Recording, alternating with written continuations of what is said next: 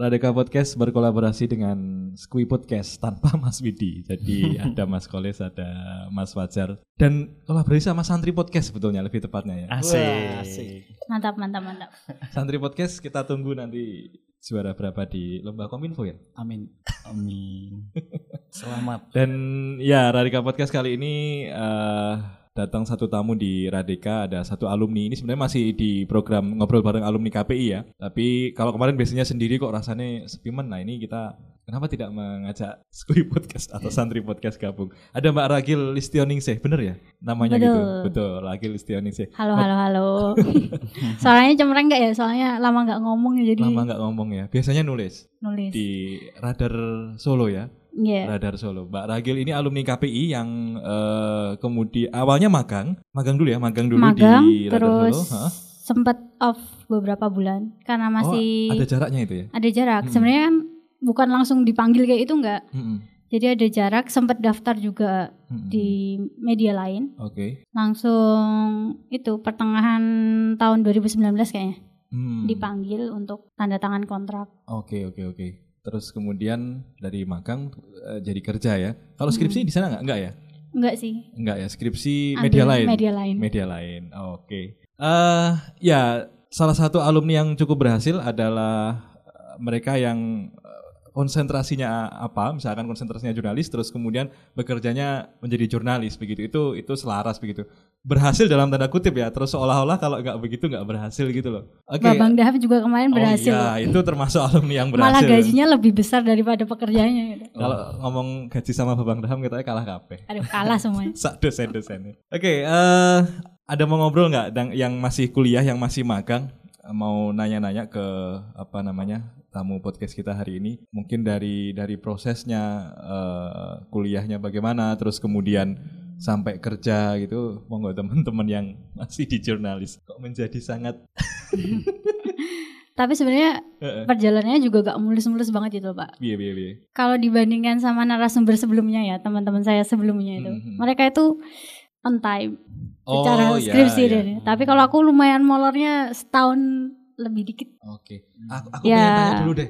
Jangan ditiru lah itu. kuliah on time itu piye nek Mas Koles piye Mas kuliah itu apakah kudu on time nek menurutmu kira-kira yang hari ini masih kuliah gitu sebenarnya kuliah nek menurutmu bukan suatu hal yang kalau yang perfect itu seolah-olah yang on time terus kerjanya cocok gitu Mbak ya Kebanyakan orang kan berpikiran asumsinya seperti begitu itu, asumsinya. Ha. nah kuliah ki on time Ra. aku pengen nanya yang yang mau apa namanya lulus ini Mak. ini kayaknya sih tapi lulusnya agak lama ya tapi nggak tahu deh.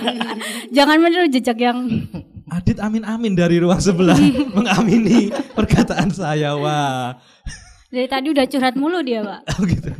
Piye Mas Olis, bener gak kuliah itu kudu on time sebelum kita nanti nanya-nanya soal Darsul dan dan lain-lain?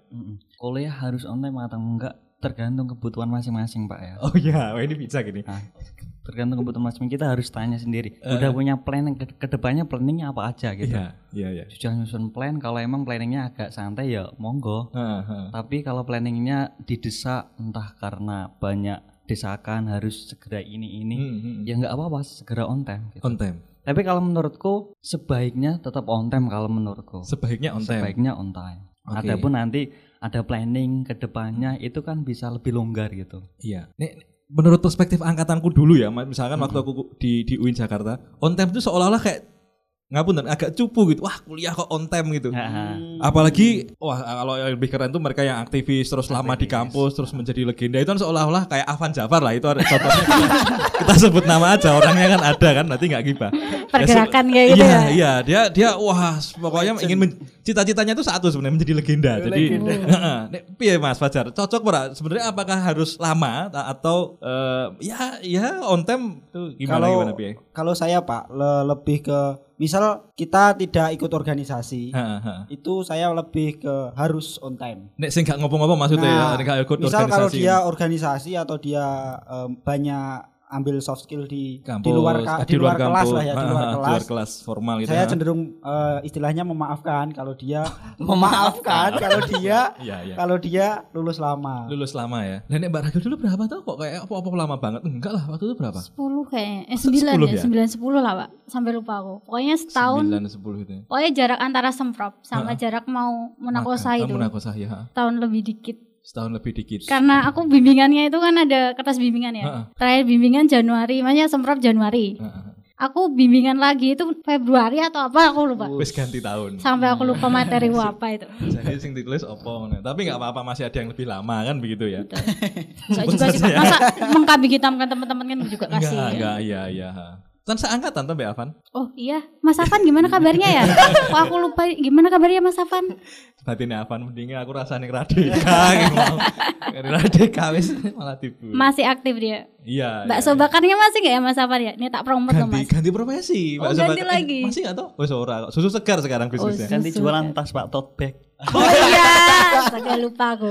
Nek tote bag aku tadi kelingan iki lho. Oh, bir eh, kok bir brand apa sih yang yang di net TV itu tiga beruang itu loh. Mereka kan eh, pakai tote bag terus sampai nimbun tote bag di rumah kalau kalian nonton satu episodenya itu wah. Oke, balik nah ke ke Mbak. Nanti ini ya Mas Kolis, Mas Fajar kalau mau nanya nimbrung nimbrung aja gitu. Awalnya dari magang. Nah, dulu pertimbangannya Mbak milih tempat magang itu. Ini teman-teman juga lagi magang ya. Eh, sama-sama Solo Pos kebetulan. Iya, sama-sama Tapi nggak apa-apa kan dalam satu ruangan Radar Solo dan Solo Pos nggak nggak ada. Enggak apa-apa, bersahabat kok. Bersahabat ya? Bersahabat. Eh ngopo ya Solo iki ya cilik-cilik padha masuk arep ra bersahabat. Rebutan pasar mungkin. Rebutan pasar. Eh itu itu real gak sih sebetulnya dalam persaingan media tapi lumrah ya. Lumrah. Lumrah, lumrah. Ya ada gitu. Nek Radar Solo mengklaim lebih laris dari Solo Pos enggak? Biar redaktur dan atasan yang berbicara.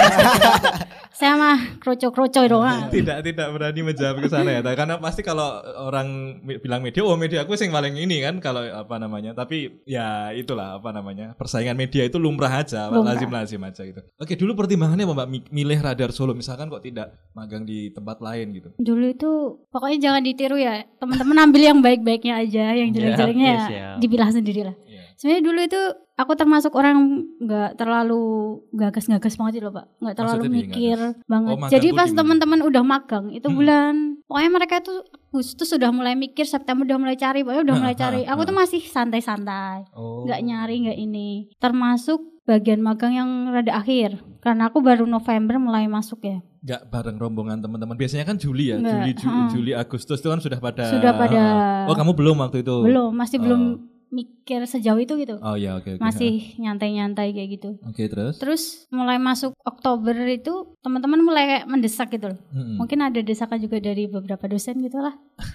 itu Iya, yang iya, iya. ngoyak-ngoyak kayak gitu. Nah. Akhirnya sebenarnya niat pertama itu kayak pengen di antara antara news Jateng. Oh, Jateng ada ya? Karena Jateng kan ininya di Semarang ya. Mm-mm. Tapi ngirim email itu belum dibales. Terus Hmm, mau ke sana kok Awang-awangan. Rada rasa-rasen iya. ya. Semarang soal ya. nggak di Solo. Pokoknya ya. jangan ditiru lah harus kalau niat ya Harus harus, semangat. semangat kayak.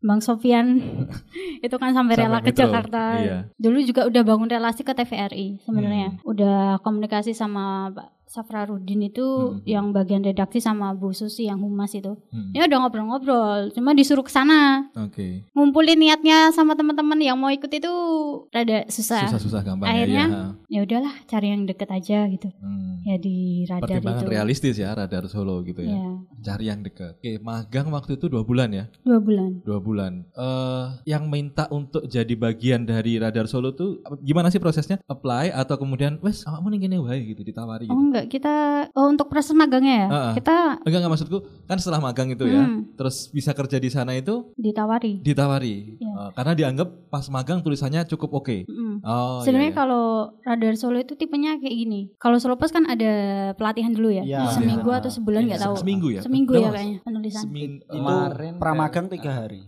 Oh, pramagang tiga hari. Kalau dulu, dulu tiga hari. kayaknya Seminggu. Lebih semingguan seminggu. ya. Ah, ya, Ah, seminggu. Zaman Abidi itu seminggu. Oh iya Isa tapi di. Kemudian eh, kalau radar Solo nggak langsung dilepas, bener-bener sendiri, luntang-luntung sendiri. Oke ini ngono ya, ning lapangan. ya. Iya, di situ kayak bener-bener ngerasain susahnya Nyari berita. nyari berita, kemudian mentalnya kan juga. Hmm. Kalau orang nggak mental kayaknya susah juga sih buat mulai Hmm. percakapan dengan orang asing kan ya. Ah, ah, ah, ah. itu kemudian ya itu rasa ditinggal sendirian di Iya. ini kan harus cari isu harus cari ini kayak Di- gitu masih di ini ini nggak ditarget nggak mbak? Sehari harus nulis Eh, berapa? target. Dulu berapa? Jadi dulu penugasan tuh awal-awal masih satu, terus Heeh. disuruh lebih lebih lebih. nambah, nambah, Paling nambah pol saya dua itu dulu waktu magang Ma- itu. Masih magang ya. Tapi itu nulisnya lama banget pak, karena udah berat bener-bener banget ya? praktek ya. Sing magang kroso ya, kayak gitu nggak sih? Mm-mm. Iya. Kalau Solo Pos dicolke nggak mas? Di dicolke gitu juga? Nah, kebetulan kan saya di Solo Post TV-nya, Pak. Ah, ah. Oh ini ya video ya? Iya, Ah, ah. videonya. Kalau Solo Post TV yang penting satu berita satu harus setiap hari ngasih kabar. Ngasih kabar, Nah. ngirimi Ya, apa lah gitu. istilahnya Pak saya mau ini ambil video di sini. Heeh. Nah, nanti kan redaktur ngecek. Heeh. Kayaknya ini udah pernah diambil, jadi yang lain. Nggak usah lain, gitu ya. Heeh. Apa eh yang di di videokan itu apa Mas? Apa misalnya kayak kemarin dat jenengan di acara LP2M tuh. Nah, itu mbok videokan itu juga bisa. Kurang, Pak. Nilai beritanya Malah kurang. yang diminta redaktur itu yang nggak cepat basi. Oh, apa sih istilah human interest gitu Iya, ya? bisa. Yang ada nilai eh, feature-nya Sama gitu ya. YouTube-nya pun gitu, yang Hmm. nggak cepat basi. Misal ya kayak ada misal ada orang yang uh, usaha kerajinan, Iya. kerajinan aeromodeling, kerajinan truk-truk segala macam, truk Jual motor- bakso viral mobil-mobilan. malah Nah, malah kayak gitu ya. Iya, gitu. ya, lebih ke arah Features, features. features, nah. Ah, ah, yang yang penting nggak cepat basi gitu cepat aja. basi. Oh, iya ya. Nek Mas Soles ini Solo Post di Dicetak apa? dicetaknya. Ah. Itu setiap hari juga satu. Mm-mm. Di target satu. Mm-mm. Cuman sama aja dilepas pada praktiknya dilepas. Jadi Hmm. terserah mau cari di mana-mana terserah. Ya Di- cuman pelatihan di awal, tapi Ah. praktiknya di laman dilepas. Terserah kamu mau cari apa gitu. Hmm. Oh nggak mau tuh yang penting udah ngirim gitu. Oke oke oke. Jadi ini ya itu mental. Setuju nggak sih sebenarnya jurnalis itu juga soal mental. Mm-mm. Bukan Setuju. bukan bukan hanya soal apa ya pinter nulis gitu ya. Kalau pinter nulis itu mungkin masih bisa diasah. Tapi mental ya mentalitas juga bisa diasah sih. Tapi mental itu menurutku penting sih ada di. Tadi misalkan aku garis bawahi apa yang dibilang Rakil. Ketemu orang baru yang nggak kenal. Itu kan susah-susah gampang ya. Terus kayak Betul. Ngejak ngobrolnya piye, nyari data nih piye. Dulu dulu gimana tuh pengalaman? Ada pengalaman ini nggak Pak? Terus Sebenarnya usah wawancara wae udah ditolak untuk itu pernah ada kejadian itu Heeh, Pak sebenarnya. Cuma bukan karena aku nggak berani sama narasumbernya. Heeh. Minder sama wartawannya banyak banget itu. Oh, pas-pas apa, apa itu masih magang sih itu saya di olahraga jadi habis Oh. digeser di olahraga itu Hmm. benar-benar atlet NPC yang cukup inilah punya prestasi internasional ah. Atlet apa? NPC Apa NPC itu disabilitas Oh, di Babel. Ya, ya, ha, ha. kemudian wartawan ininya kan sport kan banyak banget itu. Ha, ha. mana gede-gede cowok-cowok itu. Ah, saya sendirian kan cewek. Udah aku udah ngedown banget. Karena itu aku nunggunya sampai sore banget pak. Iya, kayak iya. hujan. Sampai jam 5 sore aku udah langsung WA intinya Heeh, redakturnya. mas kayaknya nggak bisa ih." ya udah nggak apa-apa. Masih bagus masih enak gitu. Ah, tapi sebenarnya yang paling berkesan tuh pas awal magang itu Iya. kan salah satu pembimbing saya. Mm, itu kan namanya Mas Pepeng redaktur ya. Mm, mm. jadi di Radar Solo itu tipenya ngecek dulu Hmm, Ngejek semi- itu buat bully mancing. gitu sih? Ah, Buat mancing gitu loh, Pak. Ya, ya, ya. diginiin di chat pagi-pagi karena seminggu saya cuma liputannya istilah normatif lah Ha, ha. liputan agenda-agenda doang Datar-datar datar aja itu gitu. ha. dan pas itu kan ada dua teman saya magang dan dia itu sudah di rolling di beberapa desk Mm, mulai dari balkon kriminal pernah Iya. grassroots pernah ada saya itu di pendidikan terus gitu mm. diajaknya kayak gini Gil wara ngiri karo kancamu tuh sudah merasakan banyak desk dan kamu cuma menetap di satu desk yang beritanya itu-itu aja coba kamu chat sama wartawannya deh tanya isu-isu pendidikan itu apa Hmm. Itu rolling desk tuh di- dianggap kalau sudah cukup memadai di apa kependidikan misalnya terus di rolling ke tempat lain begitu. tergantung sih pak Hmm. tergantung Gimana? pengampunya Oh kan iya, ada iya. dua sebenarnya Mm-mm. jadi angkatan pertama itu yang zamannya Mas Syahri Oke oke oke. ha. itu ada kan banyak ya cukup Hmm. banyak itu mereka dibagi jadi diputar terus tapi itu Hmm. di bawah Pak W namanya Mm-mm. Pak Wahyu panggilnya kan Pak W itu Pak W. terus Pak W itu enak jadi Hmm. sistemnya rolling seminggu pindah-pindah jadi mereka merasakan Oh, Mas iya, Pepeng iya, itu ngujinya yaitu kemauan kamu seberapa besar Hmm, sih iya, terus seberapa kuat sih mentalmu di situ iya, iya. gitu Oh, oke, oke. Terus akhirnya saya pernah ngechat dan wartawannya itu yang wartawan pendidikannya saya ikutin itu ngejelep juga balesnya. Belajar dulu deh kamu nulis tepat waktu baru mau ikut aku itu. Jadi ada syarat yang harus dipenuhi kalau kamu mau ikut aku gitu. Oh iya iya iya. Ya tapi ya asiknya sih dari situ bisa nambah wawasannya banyak karena liputan sendiri ya. Kenapa kok saya bisa interest di Radar Solo Ha, itu? ha. Ada yang namanya insight kayak berita liputan khusus kayak gitu pak. Liputan khusus mis apa apa Hmm, contohnya? rada-rada mendalam gitu loh. Oh iya iya. Hmm, terus Semi investigatif. semi investigasi. Ha, ha, ha. Itu aku nggarap sendirian itu sebulan. Pokoknya Ya. niat banget pas itu. Apa ya waktu itu temanya pas apa itu? Bahas Rekso Pustoko. Rekso Pustoko itu perpustakaan di Mangkunegaran. Ha, ha. Yang koleksi buku kunonya kan banyak banget itu. Ha, ha. Terus apa Dan yang kondisinya diinvestigasi? itu rusak kayak gitu loh pak. Heeh. Kondisinya kurang terawat lah intinya. Oke. Nah itu kamu nulis itu Mm-mm. Dan secara itu mendalam. mendalam. Kemudian ada tiga angle kan. Ha, ha. Terbit semua. Bisa halaman satu, Ah, bisa halaman satu. Oke. cover story. Cover story. Oh. oke, Awalnya cuma ngirim doang. Ngirim satu berita dibaca kan tak Heeh. kirim ke email redaksi Heeh. ternyata dibaca sama Pak W itu yang galak kalau terkenal kan galak gitu ya. Terkenalnya galak. dikata-katain itu tulisanku dibedah dari atas sampai bawah itu dikata-katain semuanya terus saking ininya ya gobloknya kamu yang nanya-nanya kayak gitu semuanya muncul Iya, kata-kata iya. yang tapi kalau biasanya kan orang ngedown ya digituin Iya. tapi saya ya udah dipercandain aja dipancing terus aja Hmm. terus dari situ wartawan-wartawan kayak wartawan foto kemudian Mas Pepeng itu mengarahkan jadi kita tahu kekurangannya kita di mana gitu loh Pak menemukan angle Rekso Pustoko ada persoalan di sana itu caranya piye? Ini mungkin bagi adik-adik Nah. eh, yang mungkin masih di di jurnalis semester berapa nih? Tah, sing masuk li- Lima. semester, semester 4 kali ya, semester 4 semester 5 itu ya. Lima.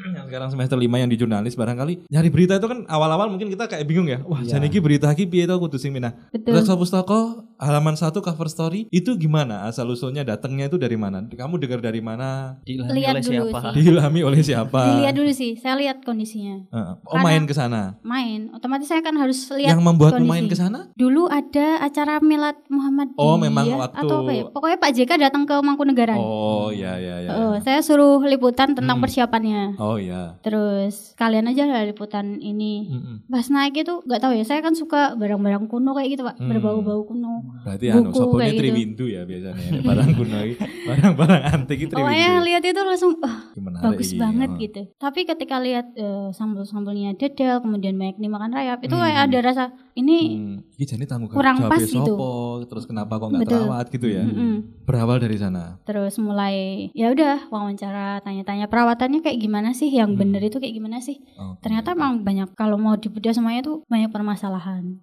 Oke oke. Akhirnya dari situ mulai tertarik buat ngupas. Terus sebenarnya ada satu namanya Pemret Hmm. Pak Kapun. Hmm. Alumni itu juga ya? alumni KPI ya. Alumni Tapi KPI. dia itu kayak awal-awal tuh anti menyentuh anak magang. Hmm. Ngobrol aja kayak jarang Enggan, gitu. Iya. Mm-mm.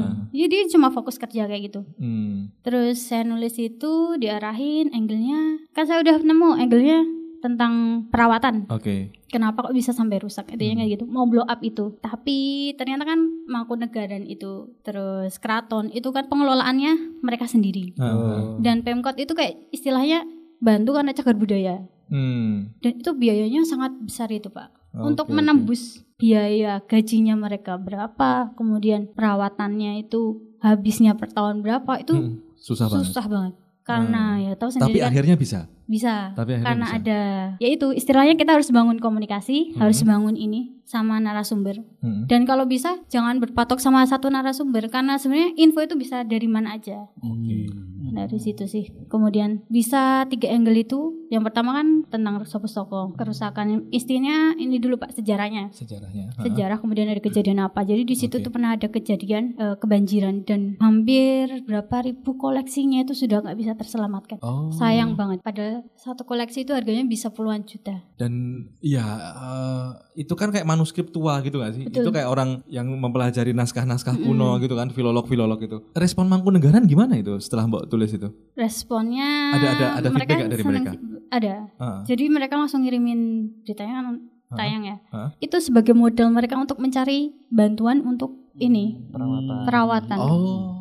Jadi bisa sebagai jalan gitu loh Pak. Ini loh kondisi realnya tuh seperti ini. Mm-mm. Kita itu menyimpan koleksi paling lama kan itu dari tulisan Mangkunegaran satu Heeh, heeh. dan itu bisa buat narik biar bisa dapat ini buat perawatan. Oh, alah, iya. ya ya. Jadi- senangnya jadi sih di situ ya. Ada efeknya ke ke sana ya. Mm-mm. Sa- Sekarang terus sampai mana ininya? Eh, perawatan apakah sudah ada follow up-nya atau atau belum? Oh sudah atau sih sebenarnya ada bantuan-bantuan. Kemarin udah ambil, setelah ke sana sih. Heeh, heeh. Kemarin yang terbaru dari arsip dan perpustakaan daerah Jateng, Hmm, kasih wilayah bantuan Jateng. ya. mm. Dan itu kan mahal banget pak. Satu kertas Jepang namanya, tisu. Jepang. Itu Jepang. Itu satunya 30.000 ribu. Itu cuma buat satu lembar depan. Jadi kalau mau belakang juga tambah lagi. Jadi satu 60.000. lembar itu 60.000 ribu. Itu Belum lagi kalau ya? fumigasi. Untuk, me- untuk ini ya merawat biar naskahnya nggak nggak hilang, nggak- dimakan rayap. nggak rusak gitu ya. Kan Oh. eh, ada yang dimakan rayap hampir Hmm. setengah kayak gitu. Jadi Oh. banyak kalau mau investigasi itu ya banyak sih yang bisa diambil. Ini menurutku apa ya peran wartawan gak sih wartawan Iya. tuh kayaknya punya daya begitu loh dia dia punya kan pers itu kan menyuarakan sesuatu ya Hmm. pers menyuarakan sesuatu orang baca jadi perhatian publik lalu ada yang ada yang merespon gitu oke eh mau sampai berapa lama di dunia wartawan tampaknya ini ya cukup Ah. cukup menikmati ya dunia wartawan Ya asik-asik aja soalnya sih sampai pak. Soalnya saat ini saya masih sangat pas magang itu bikin dua cover story. Yang pertama Reksopo Toko itu Pas magang sendirian. itu pas magang toh? Magang ini magang. Oh, bukan pas sudah kerja profesional di sana. Bukan. Oh, Jadi masih oke, oke. magang-magang pendidikan itu. Wah, oke oke. ha. Terus Yang kedua itu bahas tentang sebenarnya tema awal itu prostitusi di tempat ritual eh, di salah satu tempat di Boyolali. hmm. Cuma pas di situ jadi tiap jam 12 malam, sebelum jam 12 malamnya, sebelasan itu saya ke makam terus, ke makam itu terus. ziarah. Nggak ziarah, Oh, Liputan aku. ya. Oh, liputan. Iya, iya. tapi sekalian sih. Tapi emang ini, Pak. Apa toh? Eh, ini nggak nggak bisa disebut namanya ya? Jangan ya, nanti malah Nggak, nggak usah ya. nggak usah, nggak usah. Oke. Pertama jawabannya itu.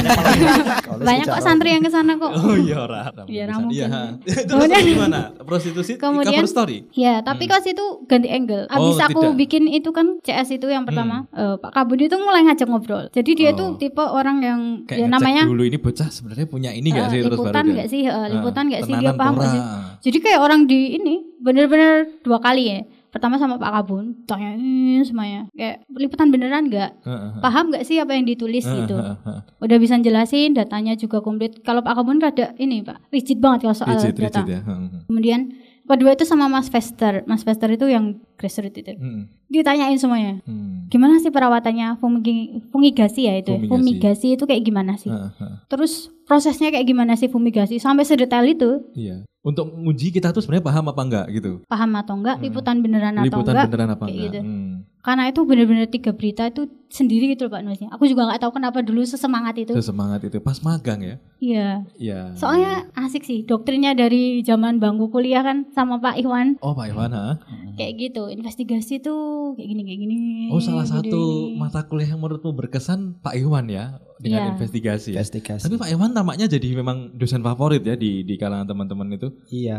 Ya nonton apa sih kalau Pak Iwan itu terakhir biasanya nonton film yang investigasi itu loh. Spotlight Watchdog apa? atau ini? Spotlight. Spotlight, Spotlight, ya, oh. yang Oh ya, film ini. eh, gereja ya, gereja, dan, Gereja. dan kekerasan seksual itu menurutku juga Bagus. salah satu film yang oke itu ya. Terus biasanya Pak Iwan juga berangkat dari punyanya Bondan Winarno. Pindan Winarno. Iya. Apa sih itu Hmm. Eh, Busang, proyek Busang, BreX itu loh. Jadi itu menarik Di juga. kaki pelangi itu Iya, ya. iya. Ah. Mbak. Buku ini jadul. Bondan Winarno yang saya mengenalnya awal itu sebagai kuliner. Maknyus. Maknyus. Iya, Aku nonton waktu SD. Wah, eh, SD apa SMP ya. Jadi dia tampil di TV itu kurmangan, ya kan gayanya terus pokoknya dikit-dikit maknyus, dikit-dikit maknyus. Ternyata itu wartawan keren. Bener. Boleh, boleh dibilang sebagai salah satu peletak dasar atau enggak jurnalisme investigasi enggak sih di Indonesia itu? Salah satu yang cukup diakui lah ya. Eh, tapi dia dalam investigasi itu kan dia nggak ada mewakili media, media, mana pun, nggak nggak ber- mewakili berjalan sendiri. independen gitu Independen, sendiri. ah, jalan gitu. sendiri, bayar bayar sendiri dia. Gila, kalau Nah, bukan orang yang niat banget dan Iya. punya modal buat itu juga susah. Eh, aku pernah nonton wawancara Bondan sama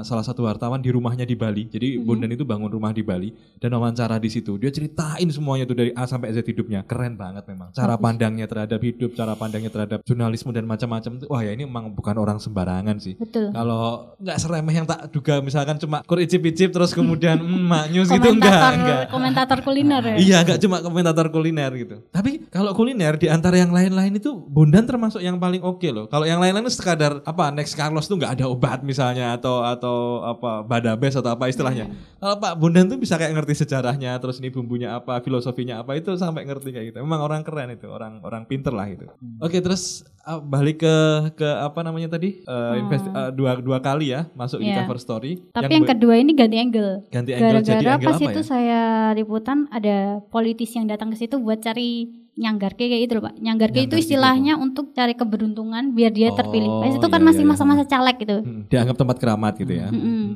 Terus dari situ kan ngobrol sama teman dua itu, Hmm, hmm. eh, NH sama Mbak Dila Oh iya temanmu yang sama Pak juga Kabun, magang. ya. Ah, ah. Itu loh, ini malah menarik loh Gil kalau kamu pindah angle ke politisi. Soalnya ini masih panas-panasnya mau caleg gitu. Iya iya. Akhirnya dipecah. Saya yang Boyolali, dua Hmm. teman saya di Karanganyar. Itu ya buat cari politisi yang mereka itu sampai Datang ke istilahnya makam. ke makam, terus Hmm. tirakatan di sana kayak gitu. Hmm, hmm, hmm. Dan ya memang banyak sih di sana. Oke, dari dari angle itu ya, kemudian Hmm. cover story. Nah, terus kemudian direkrut sama Radar Solo. Kayaknya Sebenarnya, sekarang tuh hmm. ada beberapa juga ya. Rian itu angkatannya siapa ya? Bawahku, bawahku. Bawahmu ya, Rian sama siapa ya? Satu lagi ada sih, satu lagi. Dia Rian itu belum lulus kayaknya. Rian Belum. tuh Mm-mm. atasmu tapi ya kayaknya Iya, ya? atas saya, Atasmu. Belum lulus tapi sudah diminta di sana. Oke, model-modelnya begitu ya, memberi peluang bagi anak magang untuk bisa jadi bagian dari Radar Solo. Iya, soalnya kalau menurut mereka ya, Hmm. maksudnya atasan, kita bisa menilai dia itu bisa nulis sungguh-sungguh atau enggak kan pas kita jenjang magang, itu. Oh, iya, iya. Sebenarnya pas magang itu aku nggak cuma dua bulan, Pak. Dua bulan lebih 10 hari atau berapa ya? Atau seminggu? Eh, dua mingguan. Hmm, Soalnya kita iya, iya. nunggu terbitnya yang kedua ini. Hmm, hmm, hmm, hmm. Oh, Itu. Oke. Jadi nggak nggak cuma sekadar formalitas dua bulan udah selesai gitu, enggak ya? Enggak. Cuma habis itu ya udah nggak ke sana lagi kan aku lama nggak ke sana. Hmm. Cuma Terus kebanggaan sih kalau misalkan bisa cover story. Kalau Izat Abidi itu saya masih ingat banget. Dia nulis Hmm. tentang Triwindu. betul. Pasar Triwindu dan itu lama banget mas. Jadi di Solo Pos halaman 3 kalau nggak salah, separuh halaman lah. Mm-mm. Ula, apa tulisan dia itu panjang banget dan ya nggak panjang banget banget sih, tapi cukup membanggakan bagi anak magang. Terus namanya ditulis. Kalau Solo Pos punya kebiasaan gitu. Ya ini mungkin perbedaan aja ya antar Iya. antar eh, kalau di radar kayaknya MG ya. Inisial, Inisial. sama sebenarnya bisa ditulis Bisa asal kalau dia buat box. Box itu kayak features. Pokoknya yang menarik oh, yang, menarik unik, bisa ditulis kayak juga oh gitu. sama berarti ya. Solo Pos juga gitu. Itu eh, siapa Izat Abid itu kayaknya bisa apa salah satu kebanggaannya itu ya tembus tembus di Solo Pos dan namanya ditulis di depan dia men- mengulas tentang pasar Triwindu. Itu kayaknya juga nggak cuma sekali datang terus jadi itu nggak. Berkali-kali dia. Berkali-kali. Bahkan satu saat gini Mas, dia itu disuruh ke sana untuk mendapatkan suasana, nuansanya gimana. Sedino ini dia kur lungguh tok ning kono, nonton wong, terus ngengokke, dia mendengarkan sayup-sayup suara radio diputar, terus membaui baunya apa, terus Hmm. kemudian jadi apa kalau AS Laksana itu menyarankan kita menulis itu memaksimalkan panca indera ya. Dia sampai kayak gitu mendapatkan feel-nya gitu loh. Hmm. Tapi- nonton di pasar tok gitu. Memang bener sih Pak. Saya aja Kayak di gitu ya? Radar Solo penggambaran Deskripsinya situasinya, ya, deskripsinya itu Harus kayak gimana. kuat. Heeh, Di awal pasti kayak gitu. Kamu harus menggambarkan dulu. Sopus toko itu kayak gimana sih? Hmm, hmm, hmm. Sebagai orang awam yang baca, kan kita mau panggil pembaca ya iya, menulis itu. iya. Biar mereka juga bisa mengerti gitu loh. Oh kondisinya seperti ini, buku-buku tua, tapi sayangnya kondisinya seperti ini kayak gitu. Baunya kayak gimana sih? Ini kayak gimana? Jadi kita itu ikut merasakan. Pembaca bisa ikut merasakan Oke. yang kita tulis itu. Hmm. Artinya emang tulisannya hidup gitu Pak ya. Tulisannya hidup, Hmm, benar. Kata kuncinya tulisannya hidup. Jadi orang membaca itu dia merasa kayak dia berada di sana, Mm-mm. tidak berjarak gitu dengan apa namanya ya, apa yang dibaca itu terus kayak nggak bisa men- eh, merasakan gitu. Ya gimana? Dan Izat itu setahu saya dia bacaan sastranya nggak kuat. Bagus dia. Ah, dia bacaan sastranya kuat, seneng moco lah, seneng moco buku gitu dan ngikuti sastra sing lagi rame opo gitu. Kapan-kapan aku pengen ngobrol lah sama Izat di sini lah. Lama juga nggak. Lama ya. Belum belum selesai soalnya dia juga. belum selesai. Watchdog. Masih fokus yang lain ya. Dia, dia ini apa ya? Film apa yang diteliti sama dia? Lupa aku. Ada satu karya Watchdog juga. Seksi killer. Seksi killer ya kayaknya. Oh ya. iya. Seksi killer kayaknya dia. Gitu sih. Eh, terus ini agak sensitif sih. Isu gaji. Isu gaji. ada ada yang eh, kamu bayangkan hidup jadi jurnalis gak mas? Jurnalis terus kamu punya penghasilan atau menghidup dari jalan lain? Membayangkan gak terus hidup dari dari jurnalis setelah magang gitu? Ini jalan berapa berapa hari magang? Satu bulan. Satu bulan Sudah satu lebih. bulan ya. Nah, bulan. terus kemudian eh, oke aku pengen hidup jadi jurnalis karena orang realistis tuh mbak. Kadang Nah. ada juga, Mm-mm. wah ini gajinya piro, terus aku iso nguripi anaknya anu ora kan ngono tuh.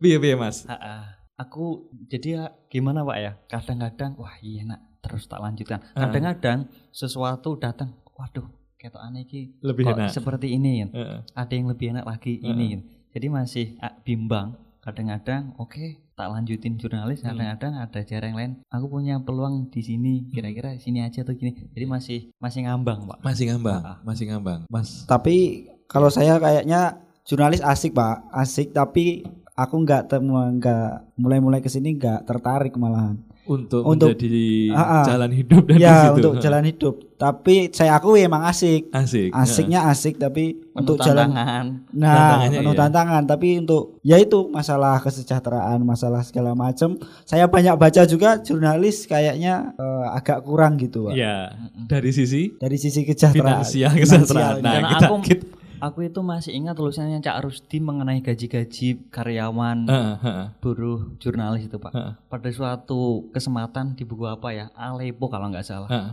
Itu Cak Rusdi pernah cerita bahwasanya apa ya jurnalis di Indonesia itu banyak nggak tidak sejahtera. tetapi Tidak dihargai tidak ininya, dihargai ah. Tetapi satu sama yang lain itu tidak berani apa ya, menyuarakan menjadi satu suara Oh iya, untuk protes gitu ke ya. ha, serikat untuk protes ke atasan. Heeh. Jadinya pecah-pecah gitu. Oh Dan iya, dia iya. apa ya? hmm, terus menceritakan di Amerika itu bagaimana bagaimana jurnalisnya? jurnalis kompak gitu. Ah. Dia berani melawan gitu. Iya. Sedangkan jurnalis di Indonesia itu pecah-pecah ada yang berani ada yang tidak Hmm. sehingga tidak membuat kekompakan gitu. Oke oke oke. Asumsi itu bener nggak? Asumsi itu bener nggak yang yang sudah sudah bekerja sebagai jurnalis? Ini kamu resmi ya sebagai jurnalis radar Solo begitu ya? Artinya eh, ya sudah menjadi bagian mereka secara profesional begitu ya? Jurnalisnya mereka gitu. Bukan bukan lagi masih dalam program magang atau percobaan gitu bukan ya? Bukan. Bukan udah. sudah ya ya sudah wartawan gitu. Ah, ah, gimana itu? Gimana ya?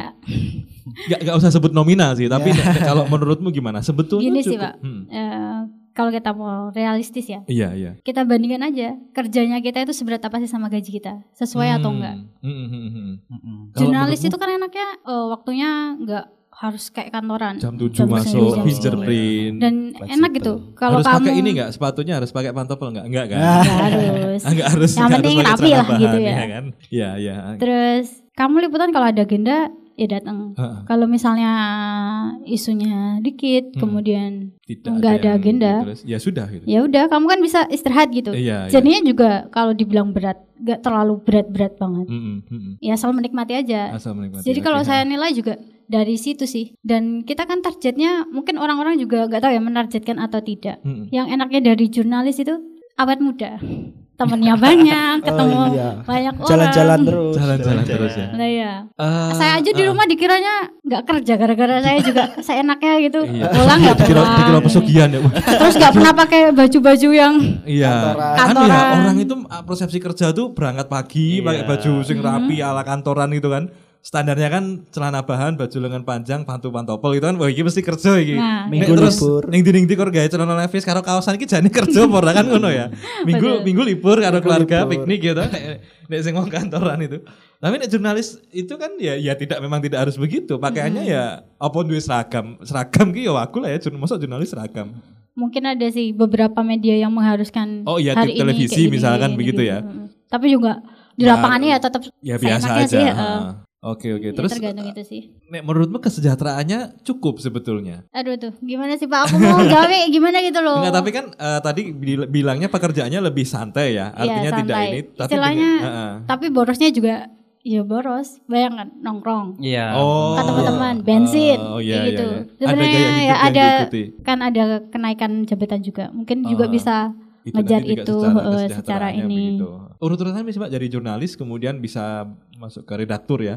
Redaktur Bisa. tuh biasanya udah nggak turun ke lapangan lagi ya. Enggak, dia udah di kantor. Udah di kantor. Terus Redaktur kan juga ada tingkatannya ya. oh gitu. Ha, apa itu? redaktur buat eh, tulisan kayak gitu biasa. Hmm. Nanti ada red pel, ada apa pimretnya. Hmm, hmm. Terus kita kalau jawab kan enaknya nasional. Oke. Kita itu bisa eh, menyiapkan diri. Secara nggak langsung kita sebenarnya kompetisi sih. Hmm, menyiapkan Kalau mau maksudnya. diambil ke Jawa Pos kayak gitu. Biasanya penilaiannya Oh. dari tulisan-tulisannya. Jawa Pos yang di Surabaya itu maksudnya atau, atau Mm-mm. gimana? Yang di Surabaya Iya, itu yang ya? nasional lah. Yang Entah nanti nasional. penempatannya di mana, tapi nanti dia itu yang Jawa Posnya korannya. Yang bukan Jawa yang Posnya, daerah. Bukan kalau radar itu kan daerah ya. Iya. Hmm. Radar Dan- tuh sekarang udah berapa ya? Ada berapa radar sih di di Indonesia itu? Lumayan sih, Pak.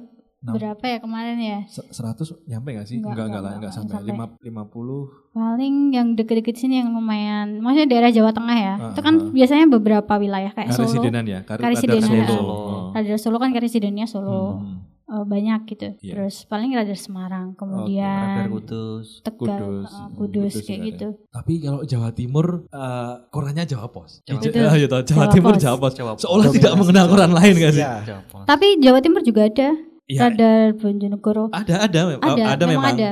Cuma seolah-olah orang-orang di Jawa Timur Ponorogo lah yang yang tak tonton itu. Koran itu seolah-olah ya ya Jawa, Jawa Pos. Pos. Kayak nggak ada tuh Mas misalkan terus yang Ponorogo mau kompas no kita era cocok Kok koran itu sing diwaca ya sisipannya radar Madiun kalau di Ponorogo di tempatku Iya. ya radar Madiun karena keresidenannya Madiun. Tapi kalau yang dibaca tuh Jawa Pos itu kayaknya sudah sudah brand itu melekat sekali di Jawa Timur dan yang lain-lain mau masuk tuh kayaknya agak susah juga. Ya ya ada bisa ditemui sih di loper koran misalkan entah Republika entah Kompas Mm-mm. itu tapi kayaknya yang pasti ada dan pasti dibaca dan di, di kantor-kantor biasanya Jawa Pos sih. Ya entah kenapa saya nggak tahu tapi mungkin kulturnya sudah sudah kebentuk begitu. Dan penulisannya kita itu ada kamus sendiri. Ada apa? Kamus, Kamus sendiri. Jawa Pos. Iya, iya, iya. Bisa itu bisa Jadi diceritakan nggak? saya pernah diprotes sama salah satu temannya Pak Zaki, yaitu Pak Jawa Iya, iya, jadi iya. narasumber.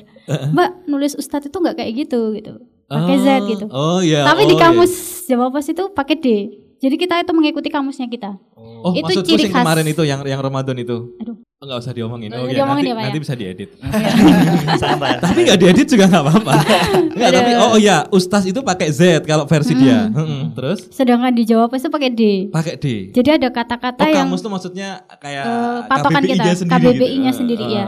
bahasa internal lah mbak ya. eh, di Ya itu ciri khasnya Jawa Pos itu seperti itu. Hmm, Jadi iya. bahasa-bahasa yang mungkin secara KBBI tulisannya kayak gini, Heeh, tapi Jawa Pos itu kayak gini. Oh, Dan yang iya, paling iya. susah sama saya sampai sekarang masih belajar. Heeh. Buat tulisannya itu buat bisa karakternya Jawa Pos masuk itu susah gitu. Masih Oh. belum bisa nemu Iya, iya. iya. ininya, kata-katanya, ininya. Karena kadang-kadang aku menilai tulisan ya masih kurang terus. Karena nek disandingke iki Jawa Pos, iki Kompas ditutupi brandnya akan kerasa karakternya. Iki, iki Bedanya Kompas ini. iki, iki iki Jawa Pos gitu ya. Misalkan ditutupi nih nggak agak ada tulisan medianya itu itu kerasa ya. Kerasa, Pak, Kerasa beda. ya pasti. Kalau ya. Kompas kan agak berat. agak eh, berat. Oh, Pembacanya pasti eh, kata-kata yang digunakan, eh, segmennya, iya. kemudian agak berat gitu loh Pak. agak berat Pengemasannya, ya. pengemasannya. Ah, pengemasannya. Kalau radar itu saya mulai sadar itu gara-gara redaktur saya. Pas itu kan saya masih magang apa ya namanya masih magang awal gitu loh Pak. Ah, ah, Eh, sebelum masuk ke kerjanya itu Oke. tiga bulan itu digojlok terus. Ah. Jadi tiap malam itu harus nemenin redaktur pas ngedit tulisan. Hmm, Katanya yang tepat, eh, kata yang tepat untuk digunakan?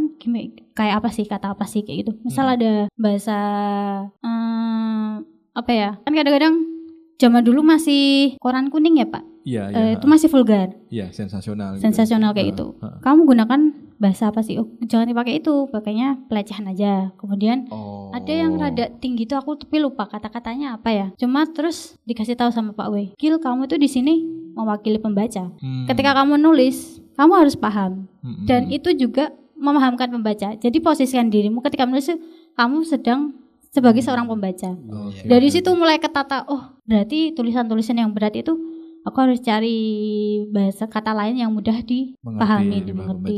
Oh, artinya sampai cara pelatihannya begitu ya? Ikut redaktur ngedit Iya. untuk sampai membelejeti kata per kata gitu ya. Iya, Iki kata iki pas apa ora, kata iki tepat apa ora gitu ya. sampai Oke, ya sedetail oke. itu sih. Dulu kan juga pernah dikatain judulmu kayak sepur kayak gitulah. Oh ya Terlalu banyak panjang. banget ya. Terlalu panjang. Dipisuin juga pernah ya kayak dinikmatin aja sih kayak gitu mah Iya, buat iya, iya, iya. seru-seruan. Karena emang tiga bulan pertama itu tertekan banget ya. Tiga berita dalam sehari di daerah, belum kenal siapa-siapa, masih memetakan inilah daerahnya kayak gimana, oke, belum tahu isu politiknya, belum tahu isu apa pun lah. Hmm. Itu rasanya eh kayak pengen nyerah kayak gitulah. Tapi s- sudah terlanjur nyemplung ya, ya Udah, dijalani, terlanjur dinikmati. basah.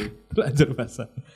Radar Solo tuh ada TV-nya ya? Radar Solo TV. Ada Radar Solo TV. Oke, A- itu memungkinkan anak broadcast berarti atau anak yang punya latar eh, belakang ini untuk untuk masuk juga sebenarnya memungkinkan Pak. gimana itu maksudnya? Yang segmen-segmen Solo Post TV, Oh, Radar, iya iya. Radar Solo TV, TV, itu ha. itu kayak anak broadcast nggak nggak tahu itu nggak menyentuh itu. Oh iya iya. Sebenarnya bisa kan masuk Heeh. itu. Anak broadcast tuh kayaknya lebih membayangkan tuh bikin TV. film Ah, di TV. di TV yang yang besar yang, Yang memang besar. TV misalkan Ya. kayak entah itu net itu. Aku membaca beberapa tuh ingin kerja apa sih? Eh, kan ada kayak semacam survei gitu. Rata-rata nyebut langsung aku pengen jadi bagian dari Trans TV karena mungkin dikiranya keren ya. Ya, Mm-mm. ya keren juga sih eh, pakai seragam terus Iya. ganteng kamera Nah. terus eh, net gitu kan Net. tampaknya keren gitu. Ya ya nggak salah juga. Tapi kan sebetulnya ada peluang di situ ya. Iya, karena memang yang saya rasain di Solo Post TV Hmm. mereka pengambilan dari segi pengambilan gambar emang kayak kayak kurang anak broadcasting. Oh gitu. Jadi eh, banyak eh, dari beberapa video itu yang ngambil dari jurnalis cetak. Jadi gambarnya Ya. nggak karo- ya ya ala kadarnya. sentuhan ininya kurang Iya. ya. sentuhan broadcasting. Seharusnya yang garap anak broadcasting, Oh gitu. murni broadcasting Murni maksudnya. broadcasting. Bukan eh, wartawan jurnalistik cetak Oke gitu. oke oke. Oh ya. Mungkin Di itu- daerah memang seperti itu sih. Nah, Ah, eh, Tapi tuntutanmu juga gitu nggak mbak? Kamu ketika liputan apakah murni tulis apa juga dituntut untuk foto? Apa dituntut juga untuk video? Kemarin Ah. pas ngobrol sama Putri, dia wartawan Tribun Jateng, dia dia dituntut untuk sampai begitu. Jadi suruh, suruh bikin foto, suruh bikin video, apa ya? Hmm. Soalnya begitu? dia online ya. Oh, online iya, kan online, rating. Ya. Kalau Oh, iya, di iya. radar itu eh, nggak tahu ya pak. Kita itu memang saya dididiknya dari senior senior di radar. Ya kamu fokus ke apa Tulis. yang perlu kamu ini. Ya tulis. Oh, Kalau oke, foto itu buat backup. Semisal fotografer nggak bisa datang. Hmm, tapi mereka Itu sebenarnya wajib. menyediakan itu sendiri ya, menyediakan Iya, fotografer maksudku. fotografer ada. Ada. Jadi koordinasi lah. Hmm. Istilahnya ada kegiatan di sini. Heeh, nanti- nanti jalan bareng sama fotografer itu terus ini. Mm-mm. heeh, Kayak gitu sih. oke, Tapi sebenarnya kalau masih magang ya mumpung masih magang. Mm-mm. Buat ini, ini teman-teman yang masih dari alumni kepada anak magang. buat yang masih cari. Ah, ah. Kalau kalian memang mau memaksimalkan istilahnya keinginan kalian tuh mau di mana? Misal di Ah. jurnalis. Ya Ah. kalian petakan aja. Media ini punya kelebihannya ini, media ini punya kelebihannya ini, Hmm. media ini punya kelebihannya Hmm. ini. Kamu pengen yang mana sih yang mau kamu tambahin? Karena setiap karakter media itu punya karakter sendiri. Kayak Oh, solo iya, post iya. dia ada pelatihan dulu. Hmm, hmm, hmm. Mm-mm. Kalau di radar solo mungkin lebih ke mental langsung ya. dan penulisannya sambil jalan kayak gitu. Iya, iya. Terus eh, media lain kan juga beda-beda. Hmm. Kalau mau multi fungsi Talent, kayak ah. Tribun ya silahkan. Oh, Ya, misalnya iya, iya. bisa jadi jurnalis tulis, bisa jadi foto, bisa video juga. Oh iya, gitu. dia karena online ya, dia tuntutannya Hmm. begitu. Online Oke, juga oke. persaingannya kan lumayan.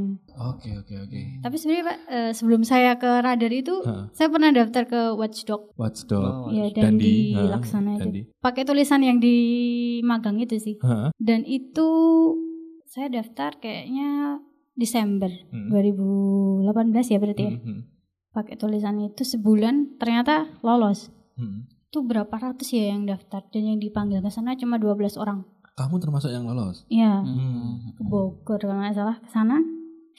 Pusingnya namun waktu seleksi itu bener-bener aduh, Standarnya tambah tinggi lagi. tinggi lagi. Dan Hmm. itu bener-bener saingannya dari Tirto, dari Kompas, Oh dari mana-mana TV, ya. wah itu dari media-media nasional lah. Dan saya cuma Oh tapi kebanggaan dong dari Iya ratusan terus jadi 12 itu. dan saya satu-satunya yang dari IAIN Oh ya. Duh, ya kan berani bersaing ya. harusnya Iya. buat teman-teman buat buat memotivasi sih Iya iya iya. karena saya di sana itu Eh, udah aku, aku baru perkenalan tahu loh yang soal ini serius, yang soal kamu ternyata pernah di di Watchdog, Watchdog. tapi lolos dua- 12 orang itu ya. Iya. Itu apa tuh program apa tuh waktu itu? itu Sexy Killers itu pak kayaknya mau garap itu jadi sebelum garap Sexy Killers Oh dia kayak nyari orang untuk Reporter. terlibat di situ. gitu? reporter ya Oh tapi terus diseleksi lagi seleksi dan itu belum masuk dari seleksi 12 kan- itu, ha? 12 Ha? Mm-mm. Diambil? Eh, itu kan di shift ya saya Hmm. shift siang sampai sore Ha? ketat banget kamu Hmm. praktik di redaksi kamu nulis berita dalam waktu satu jam dan itu tiga lembar tiga bendel transkrip wawancara yang Iya. harus kita sarikan menjadi satu berita itu pusing Hmm. banget Wah. dan saingannya kan orang-orang yang istilah saya udah melalang buana di dunia jurnalis lah Mm-mm. Iya iya iya. Oh, ngedown sih ya pasti pasti. Mm-mm. Nah, kalau kalau bicara soal IAIN, soal seolah-olah tuh kita kan pede nggak pede gitu loh. Jadi Iya, anak. IAIN itu kan Iya, sering iya. kali begitu. karena saya gitu. udah nyebut perkenalan udah ngomong ragil dari IAIN Surakarta gitu di mana sih letaknya yang belakang Kopassus Kopassus kan terkenal ya Kopassus kan udah Oh, tau lah Uin gitu. cuma ada bukan, Mbak. tiga doang ya malah setain terkenal ya. Lah iya, setain. Setain. Sober best lah. Sopir bus, sopir bus setain kok kenalnya mas. Tapi pas udah perkenalan sama kan Bang Ari Trismana. Hmm. Bang Ari Trismana itu kenalin saya ke Bang Dandi sama Bang satunya Bang Panca itu. Hmm. Kenalinnya Ragil, eh ini loh ada orang Solo loh. Siapa? Ini loh Ragil dari UNS. Kayak gitu terus nyebutnya. Jadi nyebutnya UNS terus. Ah. Padahal aku udah Bang IAIN, Bang IAIN tak gitu. Seolah-olah entah entah nggak percaya atau yang ada di kamus dia kalau Solo, ya Solo. UNS gitu. Iya, mungkin kayak Padahal gitu. IAIN. Saya mbak, menurutmu IAIN itu gimana? Eh, atau, atau sebenarnya IAIN itu berkontribusi apa buatmu gitu? Ini biar biar yang lain-lain itu merasa apa ya? Tidak kayak hati nih gitu loh. Seolah-olah wah, Tidak insecure. tidak insecure gitu. pede Heeh, kan kan sering kali ngono tuh Mas. Terus Iya. terus di lapangan tuh seolah-olah kayak waduh ini kampusku ini apa. Terus sebenarnya kan enggak juga. Gimana? Iya. Seorang ragil memandang kampusnya IAIN Sebenarnya atau kampus ini memberi apa gitu, memberi banyak atau kuliahmu lah atau apa sebenarnya gitu. saya rada ini sih sama IAIN. Eh, ada kekecewaan juga, Pak. Wah, oke menarik ini. Kenapa ya? ini. Kenapa pas angkatan saya itu benar-benar radika pas itu kan hampir mati suri. Oke. Soalnya dah nggak ada kabarnya. Permata Iya, iya, juga sama aja. Jadi ya ada rasa kalau saya bisa bilang eh, nggak terima marah dikit lah ini Ah, kayak gitu lah. Karena saya udah nyoba sebenarnya tak coba gitu. Iya. Ke Radikal sampai berapa tahun. Siaran Ah. pagi jam 6 ngidupin ini kayak gitu. Oh pernah ya dulu ya? Pernah Oh, dulu mah sini rajin ya? banget aku. Rajin ya. Jam 6 loh Pak ngidupin apa namanya? antena Pemancar. pemancarnya. Mas Kolis malah jam 5 mbak, lu rajin rajin. Ada yang gini. Saya masih laju loh Pak lari. Oh iya. Oh, iya. Dia rembang. ya, ya, ya, terus, terus, terus. Kayak gitu. Cukup dan- rajin jam 6 datang ke sini gitu. Tapi terus kok ya kurang ngono-ngono baik gitu ya. Ya dan Ada waktu itu. saya kan mikirnya dulu belum tahu mau saya mau ambil apa sih konsentrasinya. Masih coba-coba coba semua gitu. Karena ya. saya mengukur diri saya gitu Pak kemampuannya. Hmm, hmm, hmm, Kalau hmm. saya mau masuk broadcasting saya nggak punya alat pertama. Dan saya juga mungkin Oh, kamera gitu, belum kamera, kemudian ngedit juga nggak bisa. Ah, iya, saya nggak iya. punya basic di situ. Hmm. Kemudian Oh awalnya juga belum menentukan, masih bingung ya menentukan Belum. konsentrasi itu ya. makanya Oke, saya oke. masih suka siaran kayak itu asik asik asik kayak Hmm, gitu. hmm, hmm. Meskipun Tapi- ya yang dengar berapa kita nggak tahu juga ya. Hmm, Nah, tapi lama coba aja gitu. ke sini sini kan konsentrasi saya kan juga masuknya broadcast ya pas itu kebetulan. Oh iya. Saya ada keinginan saya mau ini ya nulis, nulis. punya keinginan buat mematangkan Hmm, itu. hmm. Makanya ya belajarnya ya sendiri paling enggak ya Oke. berarti ngupas isu Hmm. dari diskusi seperti itu. Hmm, hmm, hmm. Karena pas itu emang kurang kurang hidup lah di sini. Oh iya. Dan iya. fasilitas kan sebenarnya ini kan fasilitas buat Fasilitas, mahasiswa. iya. Itu masih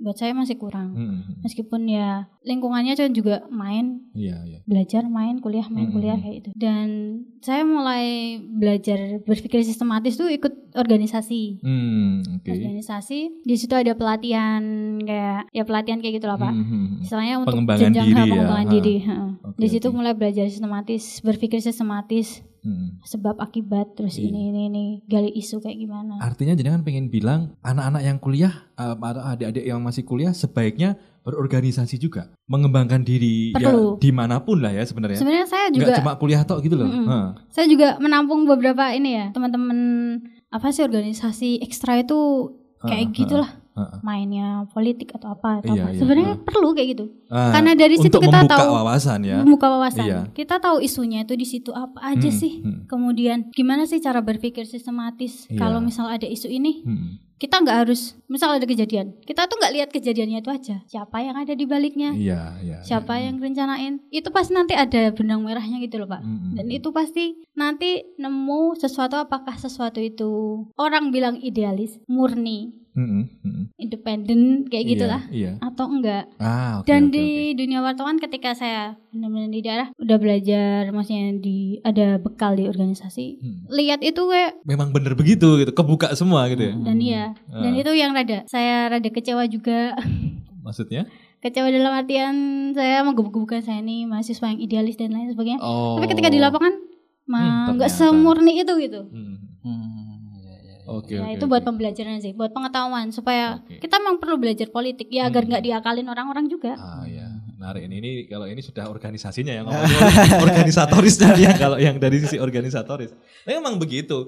Eh kalau wartawan polos-polos bahaya menurutku juga nggak nggak oke ya dia di lapangan mungkin terlalu apa ya? Ya terlalu polos untuk mengungkap realita begitu. Dia ada harus berpikir lebih kritis juga gitu. Tapi bagaimana dengan dengan KPI nah ini biar didengar adik-adik KPI aku nggak ini loh ya nggak nggak mengarahkan kamu melihat lihatlah Hmm. dia secara objektif itu KPI gimana? YIN begitu oke. Mungkin ada beberapa hal yang yang mengecewakan katakanlah. Kenapa kok dulu nggak nggak rame nggak aktif? Kenapa nggak Ah. ini gitu ya? Ya ya itu bagian dari proses oke. Dan Tapi- itu kan untuk eh, menghidupkan kembali itu kan susah ya minta Betul, kan. Saya betul. udah nyoba ke Swaka ya kumpul aku aku jadi kali. saksinya sih itu tapi itu dan narik adik kelas ayo lo ngidupin Swaka Ah. dan dia saya masih inget ya karena mereka itu menolak karena dia udah punya media baru. Oh. Lah Ah, sekarang mana iya, medianya? iya. Ah. Perlihatin gitu ke kakak kelas yang kalian dulu nolak-nolak Swaka. oke Dan itu kan jadi tanggungan masih saya sampai sekarang itu masih kayak ngerasa Merasa berdosa gitu, Pak. Oh iya, iya. oke.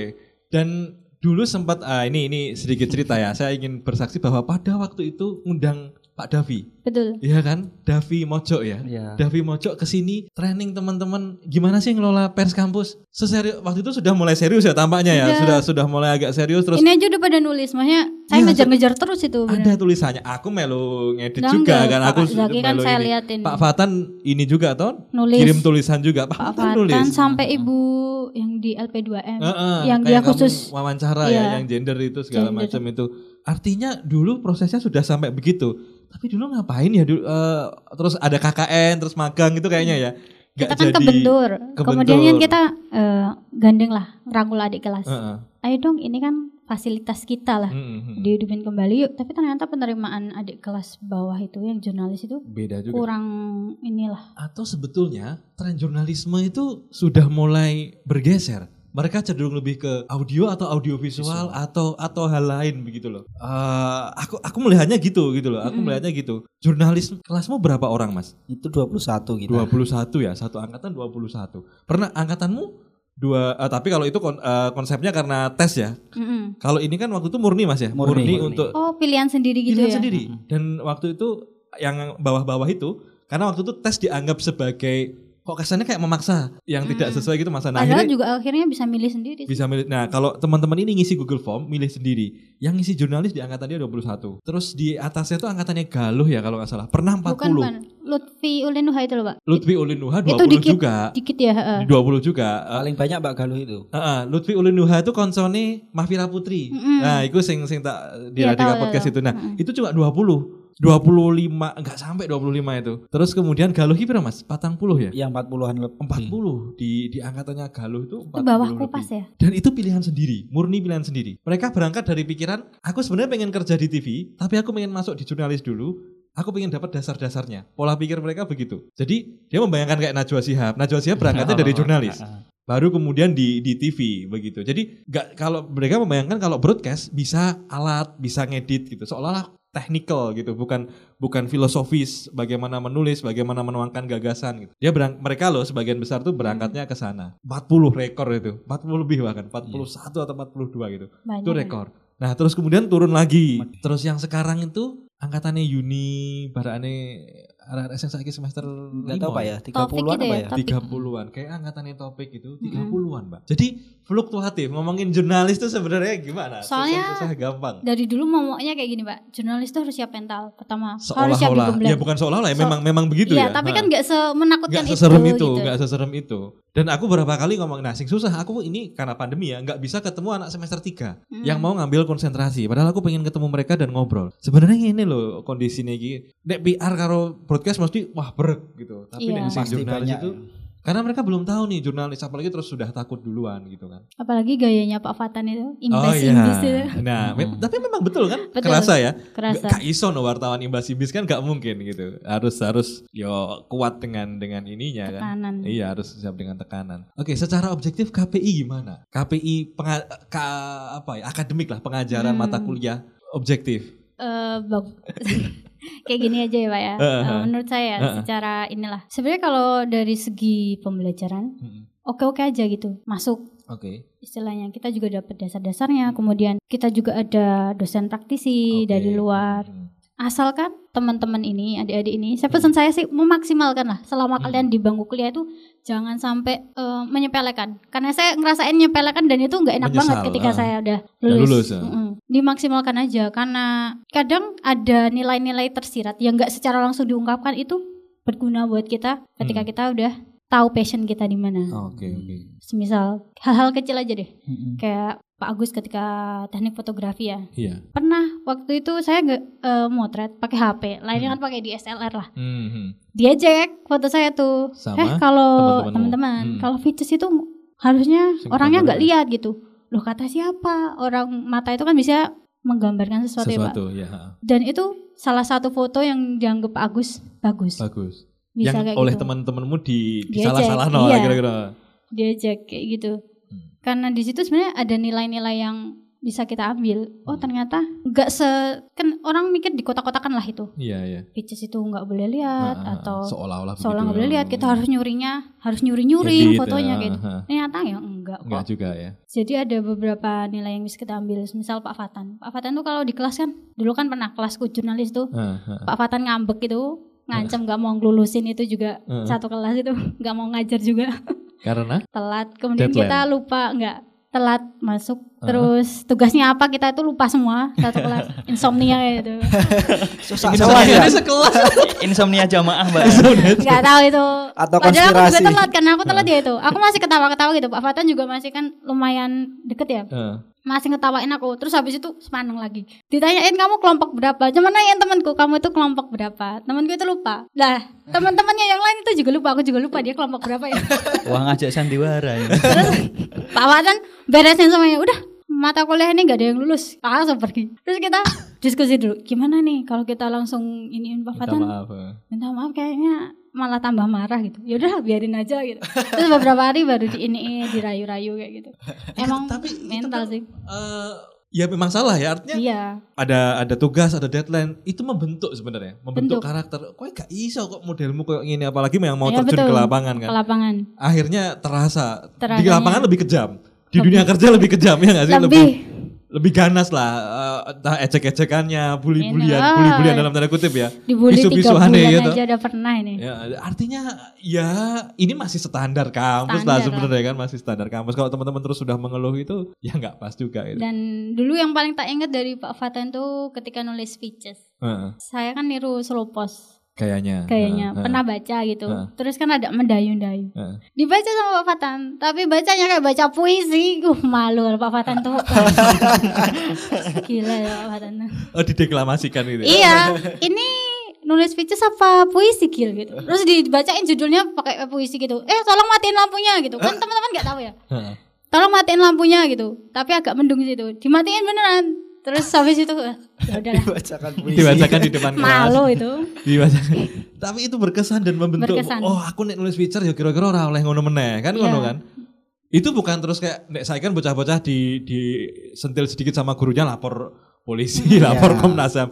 Kan bukan itu poinnya, esensinya bukan itu. Esensinya ya ini ini memang sedang mendidik anak-anak untuk untuk lebih naik kelas lah kira-kira kan gitu. betul Ah, oke ya. jangan diterima Ah. mentah lah semuanya Ah, itu jangan iya. diterima mentah Jangan diambil hati juga Betul. lah, nggak usah terlalu baper kan gitu ya. Hmm. Ya biasa aja itu itu pendidikan. Ya kalau kamu jurnalis ya harus tough, harus harus tangguh gitu. Gitu sih. Wah nggak nggak terasa ya hampir hampir ngalah-ngalahin podcastnya Bu Reza sama Pak Ferdi dua jam. ya. tapi seru sih. Makanya di KPI asal kita bisa memaksimalkan fasilitas kampus yang ada Oke oke. ya maksimalkan aja Hmm. terus kalau misal kalian nggak nemu Mm-mm. eh, pas zaman saya kan masih kurang ya intinya Iya iya.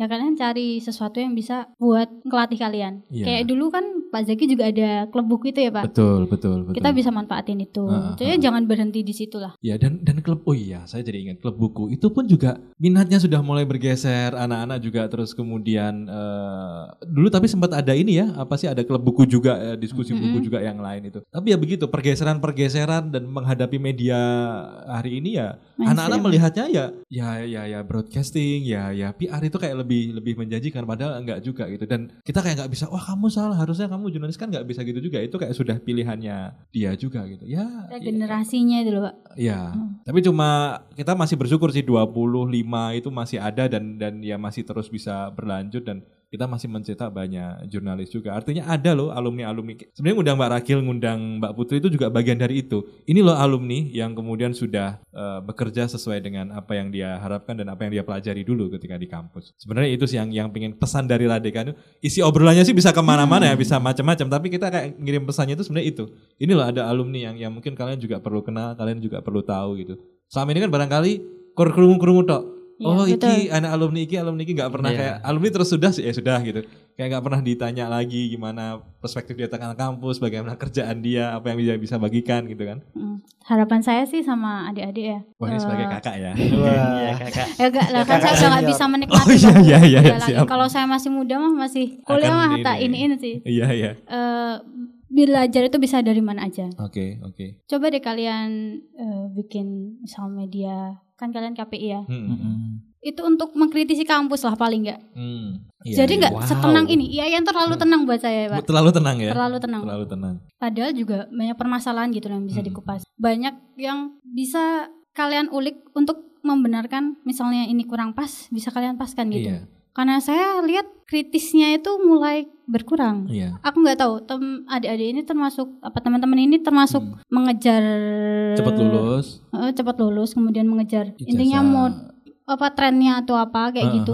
Tapi mereka kayak mengurangi apa meniadakan fungsi mereka itu sebagai apa gitu. Oh, oke oke oke oke. Artinya bukan semangatnya kritik ke kampus itu bukan dilandasi kebencian, tapi ya Bukan. ya memang ini Untuk harus ada yang membangun. dibangun, Iya. ada sesuatu yang harus di- diperbaiki misalnya, Hmm. harus di- diluruskan gitu. Hal-hal kecil aja dari Hmm. jalan rusak kayak gitu kan. Ah, itu kan juga ada hak kalian juga gitu. ada yang bersuara, Mm-mm. harus ada yang menyuarakan gitu. Medianya apa? Nah, itu lah yang kemudian itu. menjadi tanda tanya kan. Medianya apa gitu. Sedangkan di sini masih belum pada hidup ya, Pak. Iya, eh kalau Radika Podcast sebenarnya kemarin ya tahu sendiri kan kalau radio itu siapa sih yang dengerin kan biasanya kan Iya. sudah mulai ini. radio yang siaran live gitu loh. Itu kan sangat ini. Tapi kalau podcast itu kan juga baru zaman setahun-tahun inilah, setahun Iya, dua tahun ini. terakhir ini ya. Kita mencoba Terakhir. masuk ke situ karena sebenarnya pandemi terus sepi banget daripada nggak dipakai ya sudah terus dipakai terus konsepnya apa ya sudah direkam aja kayak begini menjadi menjadi podcast begitu Se- spontan sekali sebetulnya tidak tidak kemudian dikonsep secara matang gitu bahwa kita dulu ada obrolan-obrolan iya mas ya dulu itu sempat ada ngobrol-ngobrol eh be ini kayak podcast gitu tapi terus kayak nggak segera dieksekusi Iya. tapi malah justru karena pandemi kan terus wah kampus daripada nganggur ya. Jenengan ngerti Maret udah mulai masuk apalagi mau berangkat KKL itu ya. Ini Hmm. kan mau berangkat KKL belum jadi ya waktu itu mau ke Jakarta. Nah itu itu sepi banget dan wah gimana man kalau nggak dipakai itu. Terus kemudian ya sudah kita masuk di sana dan ya ya Radika Podcast gitu. Kalau di masamu dulu di sini belum serame sekarang barangkali Hmm. ya podcast dulu kayaknya belum Belum Belum. Nah, belum belum belum, terlalu belum terlalu apa namanya. Kalaupun sudah ada mungkin sudah tapi belum terlalu rame gitu. Ya ya itu tadi pergeseran-pergeseran Betul. zaman yang kayaknya harus kita respon gitu loh Mbak. Terus kemudian ya mau nggak mau begitu. Suaka pada akhirnya ya sudah kita ya semoga tidak menjadi cerita. Mungkin Tinggal ada satu nama ya. momentum terus kemudian kayak hidup lagi atau kemudian momentumnya dapat lagi terus ayo kita ramaikan lagi kan bisa aja. Atau bergeser Eh, jurnalismenya tetap tapi disampaikan Online lewat kayak, audio ah, online, online. atau dalam bentuk broadcasting kan juga bisa ya. Narasi TV yang pernah Pak Davi contohkan itu kan juga begitu. Jurnalisme tapi sekarang masyarakat minatnya audiovisual ya. YouTube yang nontonnya. Oke, jurnalismenya jalan tapi dikemas dalam audiovisual. Bukan dan, berarti yang dan inilah Hmm. melatih kekritisan lah. Jangan oh, cuma iya, iya, ya iya. itu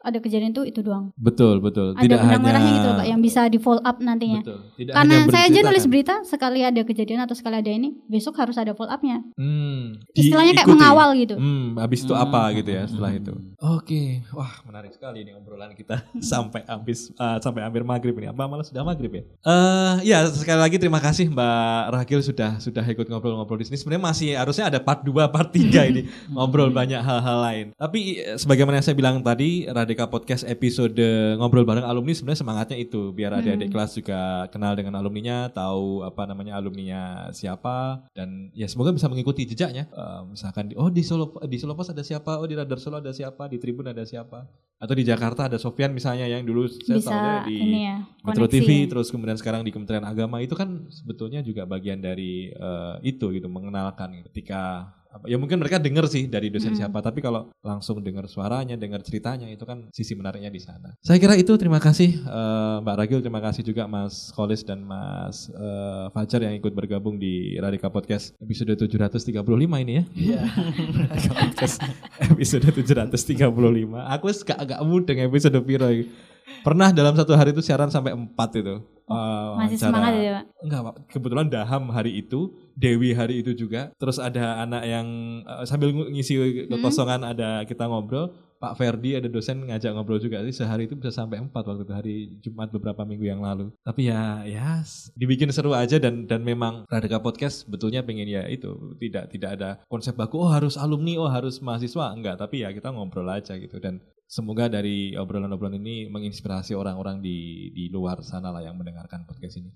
Sekali lagi terima kasih yang sudah menyimak juga sampai akhir dari awal sampai akhir. Ketemu lagi di episode-episode mendatang. Assalamualaikum warahmatullahi wabarakatuh. Waalaikumsalam.